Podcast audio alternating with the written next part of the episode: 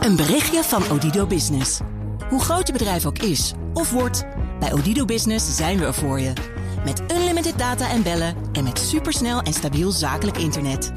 Ook via glasvezel. Ontdek wat er allemaal kan op odido.nl/slash business. Het kan ook zo.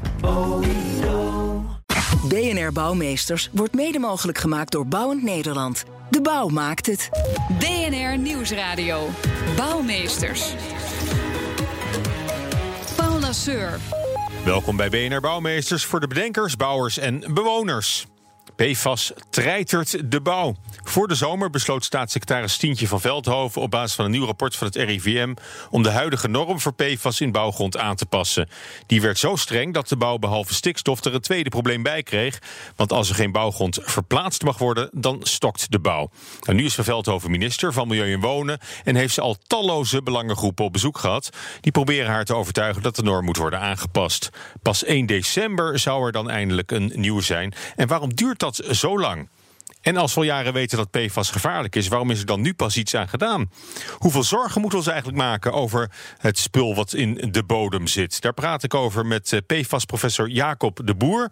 Hoogleraar Milieuchemie en Toxicologie aan de Vrije Universiteit van Amsterdam. Hartelijk welkom. Voordat we over de, uh, de, uh, de vergiftiging van de bodem gaan praten, vragen we ons gast altijd eerst naar hun grootste bouwsucces en bouwflater. Waar wordt u nou blij van? Wat is voor u duidelijk een bouwsucces? Ja, nou ja, ik, ik zit hier op de VU in Amsterdam en daar wordt heel veel gebouwd. Veel nieuwe gebouwen. daar zijn we blij mee. Ik zit zelf in het O2-gebouw, 13 verdiepingen hoog, allemaal laboratorium. Dus fantastisch, we zijn er ontzettend blij mee. Ja, echt de hemel voor, voor een man als u. Ja, fantastisch. Ja. Oké, okay, maar goed, uh, niet, niet alles is een uh, succes. Nee, dat klopt. Nee, je komt ook wel eens wat, wat flaters tegen, neem ik aan. Ja, nou ja, bij, in hetzelfde gebouw was men vergeten de gasleiding aan te leggen. En dat is wel vervelend als je een laboratorium hebt. Vooral oh, ja. voor de, de biologische collega's. Dus dat was dan wel echt een misser. Oh. ja, dat maar, maar dit is wel een stuk nieuwbouw wat niet van het gas had hoeft dan? Nee, dus, dus jullie houden voorlopig de, gas, de ja, gasleiding ja, voor, voor, voor bacteriologisch werk en dergelijke. ja, zeker. Ja, maar die was eventjes... Eventjes vergeten. Nou, dan door naar, uh, naar de PFAS, want daarvoor hebben we u uitgenodigd. De, de uh, polyfluoralkyl stoffen? Stoffen, ja, koolwaterstof. Je, eigenlijk zou je moeten zeggen koolwaterstofachtige. Het is, het is best ingewikkeld nog uh, om het uit het Engels te vertalen. Maar het, het gaat om de verbinding tussen koolstof en fluor. Ja, en dat is net een groep uh, stoffen waarnaar u eigenlijk uh, uw hele carrière... of in ieder geval de laatste twintig ja. jaar al intensief onderzoek naar doet. He, die groep giftige stoffen in de bodem... die nu voor de, voor de bouw zoveel problemen opleveren. Um, eerst maar even, hoe komt die stof eigenlijk in de grond terecht? Nou ja, dit soort stoffen die hebben de uh, neiging, uh, die zijn mobiel, maar tegelijkertijd heel slecht afbreekbaar. En die hebben dus de neiging om zich te verspreiden. En wereldwijd, dat gebeurt echt wereldwijd. En daar zijn stromingen uh, vanaf de Evenaar naar de Polen. Maar op het zuidelijk halfrond wordt niet zoveel geproduceerd. Op het noordelijk halfrond wel. En dat verspreidt zich dus helemaal over het noordelijk halfrond met een trend naar het noorden toe. En dat gaat via verdampen en weer uitregenen, verdampen en weer uitsneeuwen, et cetera. Oké, en ook gewoon met, met de wind en met grondwater mee? Is dat, uh... Ja, het grondwater is natuurlijk veel, veel stabieler. Hè? Dat is veel meer plaatsgebonden. Maar het gaat vooral via de, via in, de, in de dampkring, dus via ja. windstromingen en dergelijke. En wie zijn de producenten van, van die stoffen? Is het ook afval of is het eigenlijk iets wat ze, wat ze voor, uh, voor eindgebruik uh, produceren? Nee, een aantal stoffen worden echt bewust gemaakt om te gebruiken. Mm. En die worden dan ook toegepast in allerlei materialen. Een voorbeeld is dan bekend in, de, in de brandplusmiddelen. Ja. maar veelal zijn het ook tussenproducten. En de bekende producent is Dupont. Tegenwoordig heet dat Gemoer. In, hier in Nederland in Dordrecht. Ja. In België, in Mechelen en veel fabrieken in Amerika. Grootspeler. Een hele groot uh, bedrijf. Ja. En uh, daar worden, nou, wordt Teflon gemaakt. Daar komen tussen. De anti-aanbaklagen in koekenpannen. Anti-aanbaklagen, absoluut. En ook wel in veel meer toepassingen uh, gebruikt. daar komen tussenproducten vrij. En die, en dat is natuurlijk waar wij wel ook voor gewaarschuwd hebben, die worden zonder meer geloosd. Rechtstreeks naar het water en naar de lucht toe. Ja, en dat zijn zaken, dat zijn ook vergunningen waarvan ik denk, ja, die had je echt nooit mogen afgeven voor dit soort stoffen. Ja, maar wat, wat moet je anders? Je moet, is er een andere manier om er vanaf te komen? Nou ja, kijk, uh, mijn of, filosofie of, of moet je dan is... hele grote bergen opslaan? Nee, nee, nee. Voor dit soort uh, stoffen, dus die eh, persistente stoffen, waar je, in Nature stond forever chemicals. Hè, je komt er eigenlijk niet meer vanaf. Eh je moet zorgen dat je als overheid en bedrijf samen, denk ik, dat niet naar het, eh, naar het milieu brengt. Ik zeg altijd maar, of je nou een privépersoon bent, of je bent een bedrijf, of je bent een, een stad, zorg dat je je afval zelf verwerkt. En gooi dat niet zomaar in de openbare ruimte. Oké, nou goed, dat is, dat is toch gebeurd. Hè? Daar zijn vergunningen En- voor en verleend. En legaal zelfs. En ja. het, eh, ja, dat is heel, heel spijtig, kun je nu zeggen. Maar eh, het is dus in de grond eh, terechtgekomen. Maar waar in de grond zit het nou? Is het nou alleen die toplaag? Of is het juist dieper in de bodem dat het eh, zich oploopt? Ja, het is meer naar de toplaag. Maar uiteindelijk komt het natuurlijk, dat zijpelt gewoon wat verder. Hè? Dus het bindt zich ten dele aan, aan, aan koolstof in de grond, aan en klei bijvoorbeeld en dergelijke. Als het meer zand is, dan zijpelt er wat meer doorheen. En dan komt het uiteindelijk ook in het grondwater terecht. Ja. En kan het ook kwaad dat het daar zit? Want we kunnen misschien ook wel zeggen van, nou laat het daar lekker zitten.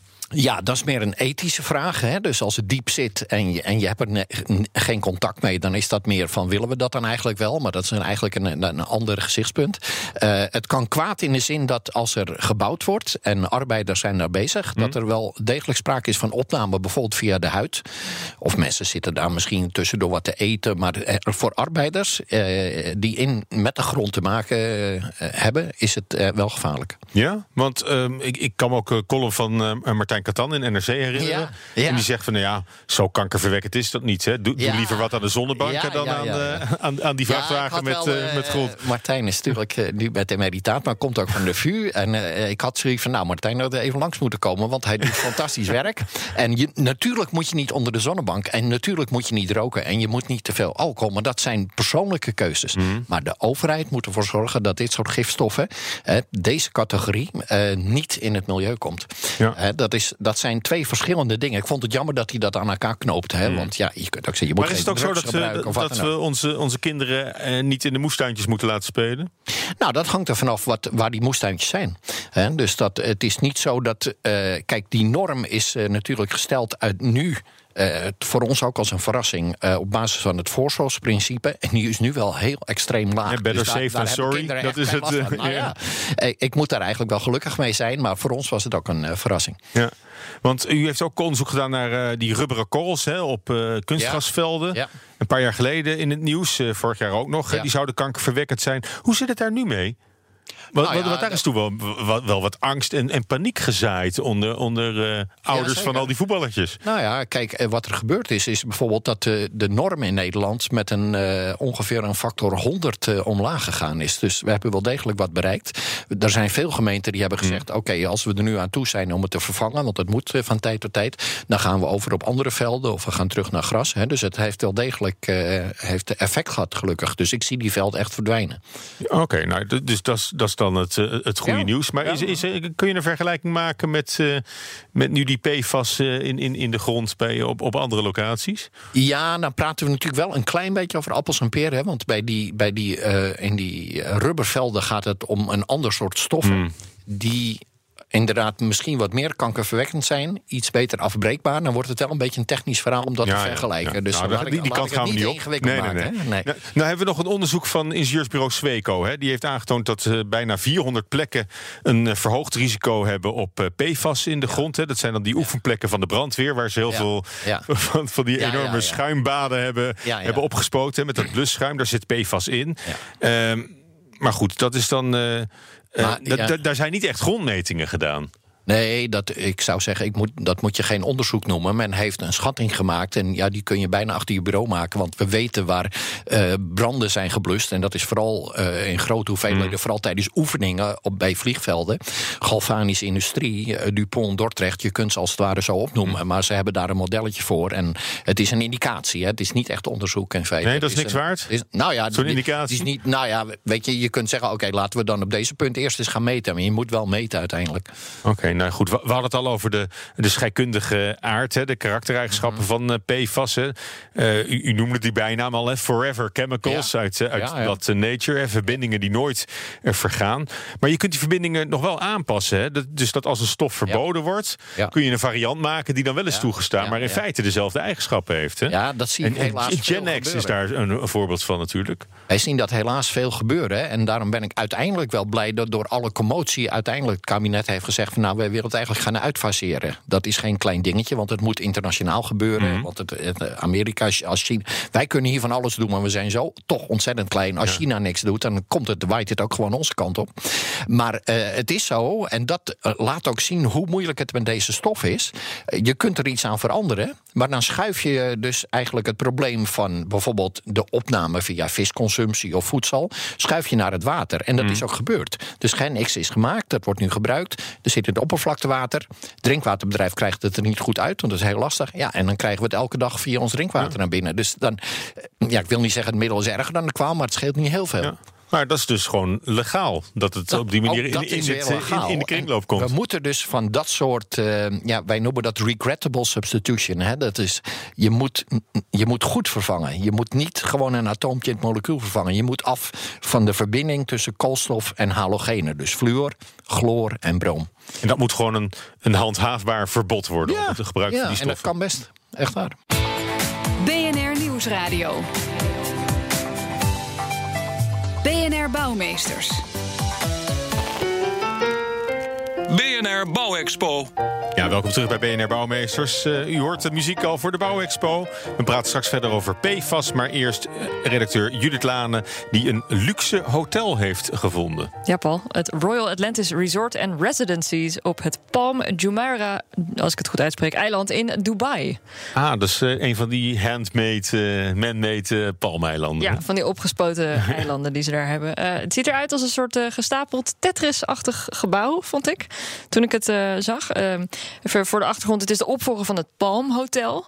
Eh, dat stond er al in 2008. Dat is blijkbaar heel luxe. En er komen allemaal eh, celebrities en eh, het is heel populair. Dus nou ja, er komt dus een nieuwe. Eh, die oude, dat is een soort Taj Mahal-achtig gebouw. Dus ook een heel. het, zijn allebei in de breedte gebouwd. Ehm, eh, maar ja, het moet dus nog luxer worden.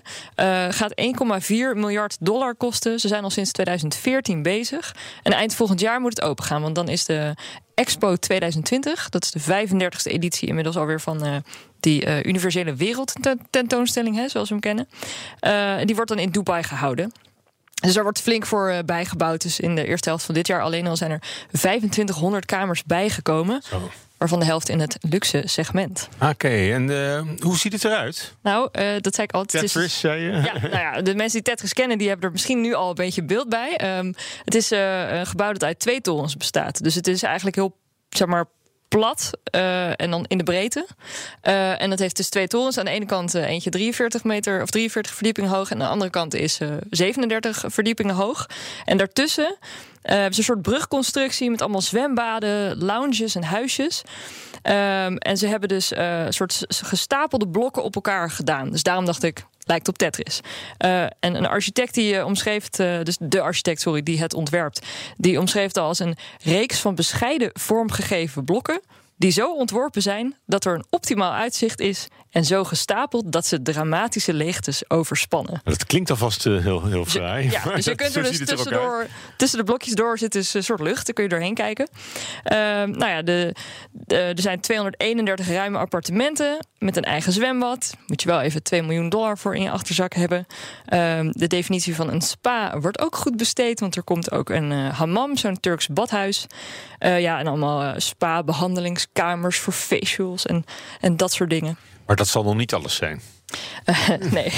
Dus in totaal, dat hotel heeft dus 795 kamers en suites. Om even de grootte aan te geven.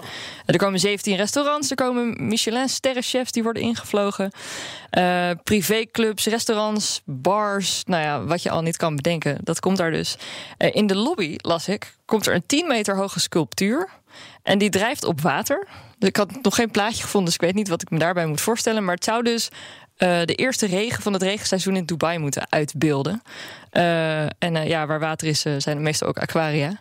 Er komen er drie en eentje daarvan moet de allergrootste ter wereld worden. Ook daarvan stond niet bij hoe groot die dan is. Dus dat wil ik nog heel graag weten. Dus iemand die het weet, laat het weten. Dan eh, heb ik weer een vakantiebestemming erbij eh, gevonden, Paul. Ja, dat wordt op, op naar Dubai, eh, Judith. Op naar Dubai. Ik neem een snorkel mee. Zeker doen, dankjewel. En zoals gezegd praten we nu verder over de PFAS met Jacob de Boer. Hij is hoogleraar milieuchemie en toxicologie. is gespecialiseerd in die, in die bijzondere niet afbreekbare stoffen. Hij werkt aan de Vrije Universiteit van Amsterdam. Ja, de meetmethoden van PFAS die zijn nogal bekritiseerd. De afgelopen tijd. Uh, kunt u voor de leek uitleggen uh, hoe die PFAS gemeten wordt in de bouwgrond? Ja, je kunt uh, PFAS meten in allerlei uh, matrices, of we dat zeggen. Dat kan grond zijn, dat kan water zijn of iets anders. Daar moet je een aantal handelingen voor verrichten op het laboratorium. Dus dus niet in twee minuten gebeurd. Hè. We zijn echt een tijdje bezig met zo'n monster en een monsterreeks. Uh, uiteindelijk ja, gebruiken wij een techniek dat heet gaschromatografie. En wat je dan ziet eigenlijk is op een gegeven moment een soort recorder... of in, op het beeldscherm dan een, wat een pietje geeft. En ja, dat door het moment voor waarop die eruit komt, kun je zeggen: oké, dat is inderdaad de, de, PFAS. Ja, en dan kunt u ook de concentratie daaruit aflezen? Dan of, wij meten hoeveel het is. Ja. Oké, want uh, eerder hadden we op deze zender ook al een uh, rapport besproken van uh, eh, SNR Milieuadvies. Hè, dat, en die, die kwam dan dat laboratoria verschillend blijken te ja. meten. Ja. Hè, en meten ze ook allemaal iets anders? Of is het Ja. een, een andere manier om op hetzelfde resultaat Nee, uit dat eh, onderwerp ligt eh, bijzonder na aan mijn hart. Want wij zijn altijd eh, eh, bezig geweest met het, eh, het organiseren van zogenaamde eh, eh, interlaboratoriumstudies. Dat zijn eigenlijk eikingen. Dus voor ons is het ontzettend belangrijk dat als je in Nederland iets meet en je meet iets in Zweden en iets in eh, Japan, dat het wel hetzelfde uitkomt. Dat mag wel met een iets verschillende methode zijn, maar je moet het wel kunnen vergelijken met elkaar. Je moet natuurlijk allemaal, als je één monstertje meet en je doet dat allemaal, moet je wel op hetzelfde uitkomen. Dus wij doen daar veel, wij hebben veel activiteit op dat gebied. Nou, het is niet handig om meteen een standaard meetmethode af te spreken en die allemaal te gaan gebruiken. Ja, eh, maar dat heeft nadelen, want als die standaard systematisch afwijkt, zit je er dus eigenlijk allemaal naast. Ja. Dus dat, wij, wij geloven erg in wel wat ieders eigen methode, maar je moet het wel met elkaar vergelijken. En dat doen wij onder de vlagbevond van de Verenigde Naties, via andere programma's. We sturen monsters wereldwijd rond en eh, doen naar de statistiek en kijken wat eruit komt. Wat ik nu ook al een paar keer heb gelezen, is dat Nederland strenger zou meten dan andere landen in de EU. Nou, is dat ook zo? Je kunt niet strenger meten. Je meet. eh, je meet of je meet is een niet. meting. Ja, je meet of je meet niet. Eh, of de normen strenger zijn. Ja, die we nu hebben, die is natuurlijk veel strenger dan ergens anders. Maar ja. Maar eh, waarom, waarom zijn wij zo streng ten opzichte van anderen? Nou, dat. Is, is bij ons het eh, besef meer ingedaald wat, ik, ik eh, denk wat dat de Nederland vaak kan- wel voorloper wil zijn. En dat kan op zich geen kwaad natuurlijk als het gaat om, eh, om milieu. Dus dat, ja, dat is eigenlijk politiek beleid. Maar goed, in België, Duitsland, China, heel heel veel Ja. andere landen worden ook PFAS Absoluut. geproduceerd. Hoe streng zijn daar de, de, de regels of de normen? Ja, nou, ik zou ze beginnen met China. Daar zijn in feite helemaal geen regels en normen. Dus dat zijn we gauw mee klaar. Ik moet daar wel aan toevoegen dat dat wel aan het veranderen is. Hè. Dus men begint zich nu eh, bewust van te worden dat daar landbouwgrond ernstig vervuild is. Maar eh, zeg maar, alles is daar een factor 10 tot 100 keer erger, ook PFAS, dan in Nederland. Dus eh, daar is nog heel wat op te ruimen en, en te saneren. Ja, maar goed, België en Duitsland, is dat, is dat vergelijkbaar met, met de Nou norm ja, die wij daar aanleggen? geldt bijna altijd zeg maar, Europese normen. Hè. Dus wij doen dat allemaal gezamenlijk in Europa. En je hebt wel eens dat één land wat strenger is dan de ander. Maar over het algemeen is dat redelijk goed vergelijkbaar. Ja.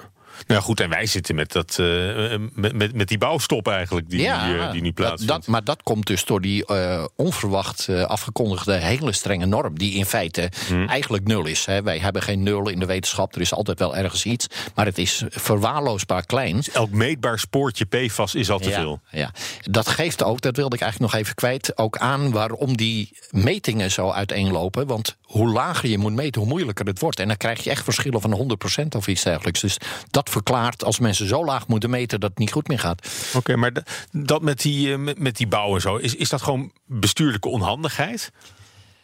Ja, ik ben natuurlijk geen bestuurder, ik ben een wetenschapper. Maar wat ik ervan zie, denk ik, nou, dit had wel anders gekund. Hè. Deze commotie had voorkomen kunnen Hoe had, worden. beter, hoe had het beter gekund? Gewoon even wachten, want eh, wij weten dat er een discussie loopt met eh, EFSA, de Europese eh, Voedselveiligheidsautoriteit, agentschap.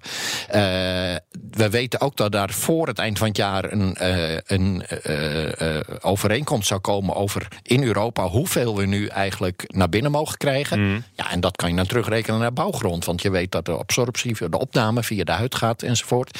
Dus had even gewacht in dit geval, zou ik zeggen. Ja.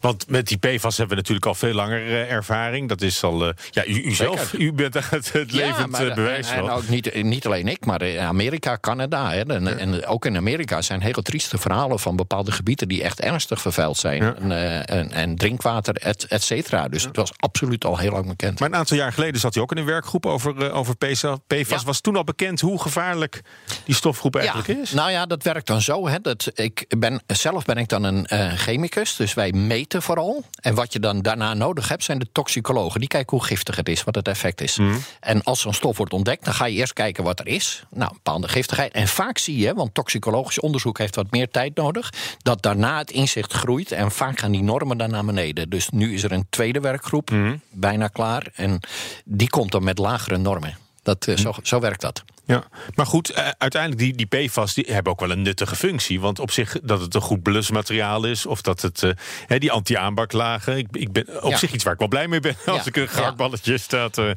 eh, te, te, te, te nou, beraden. ik- ja, ja, eigenlijk, eh, voor wat betreft dat aanbakken, gaat het alleen om eieren. Want al de rest gaat goed in, in, in gietijzer of in stalen pannen. Hè, maar een eitje is een eh, moeilijk dingetje. Ja, Ja, als- als- of we lastig. daar nou allemaal dat voor in ons bloed moeten hebben, ik denk het niet. Maar brandblusmiddelen heeft er gelijk in. Daar is het dus echt eh, een geschikte stof voor.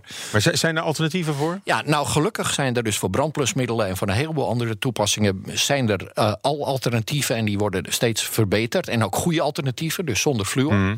Alleen als je Teflon moet maken, dan heb je fluor nodig. Dus dat is een punt. En wat is er nodig om de producenten van PFAS eh, aan te bakken? Of om het ze moeilijker te maken om, om dat eh, te lozen en te produceren? Nou ja, daar is gewoon goede wetgeving voor nodig. Hè? Dus eh, ik, ik zei dat in het eerste blokje al. Van, ik vind gewoon dat als je een bedrijf hebt en die maakt stoffen die milieuvreemd zijn, dan moet je ze niet lozen. Dan moet je zorgen voor een goede verwerking, opvang en vernietiging of wat dan ook. En dat kan. Het kost wat meer. Het is altijd weer gaat het om geld, maar het kan wel. Maar het is best een revolutionaire draai die je dan moet maken. Ja, maar ik denk dat we. We hebben nou zoveel geleerd in het verleden, mag je hopen, met dioxines en met DDT. Hè, nog steeds hebben moeders DDT in hun moedermelk, terwijl het al jarenlang verboden is. Dus dan, dan hadden we dit toch eigenlijk niet zover moeten laten komen. Ja. Nou ja, goed. eh, Aanstaande zondag eh, is het zover 1 december. Dan komt eindelijk die nieuwe lagere normering eh, op tafel. Eh, dan kan de bouwgrond weer gebruikt worden. Maar wat, wat verwacht u? Nou ja, ik verwacht wel dat er dus afgestemd is met de, de, de gegevens van de EFSA, de adviezen van de EFSA op wat betreft de opname uit voedsel. Eh, en ik denk toch ook wel dat er dan nog steeds een verruiming van de norm in bouwgrond mogelijk is.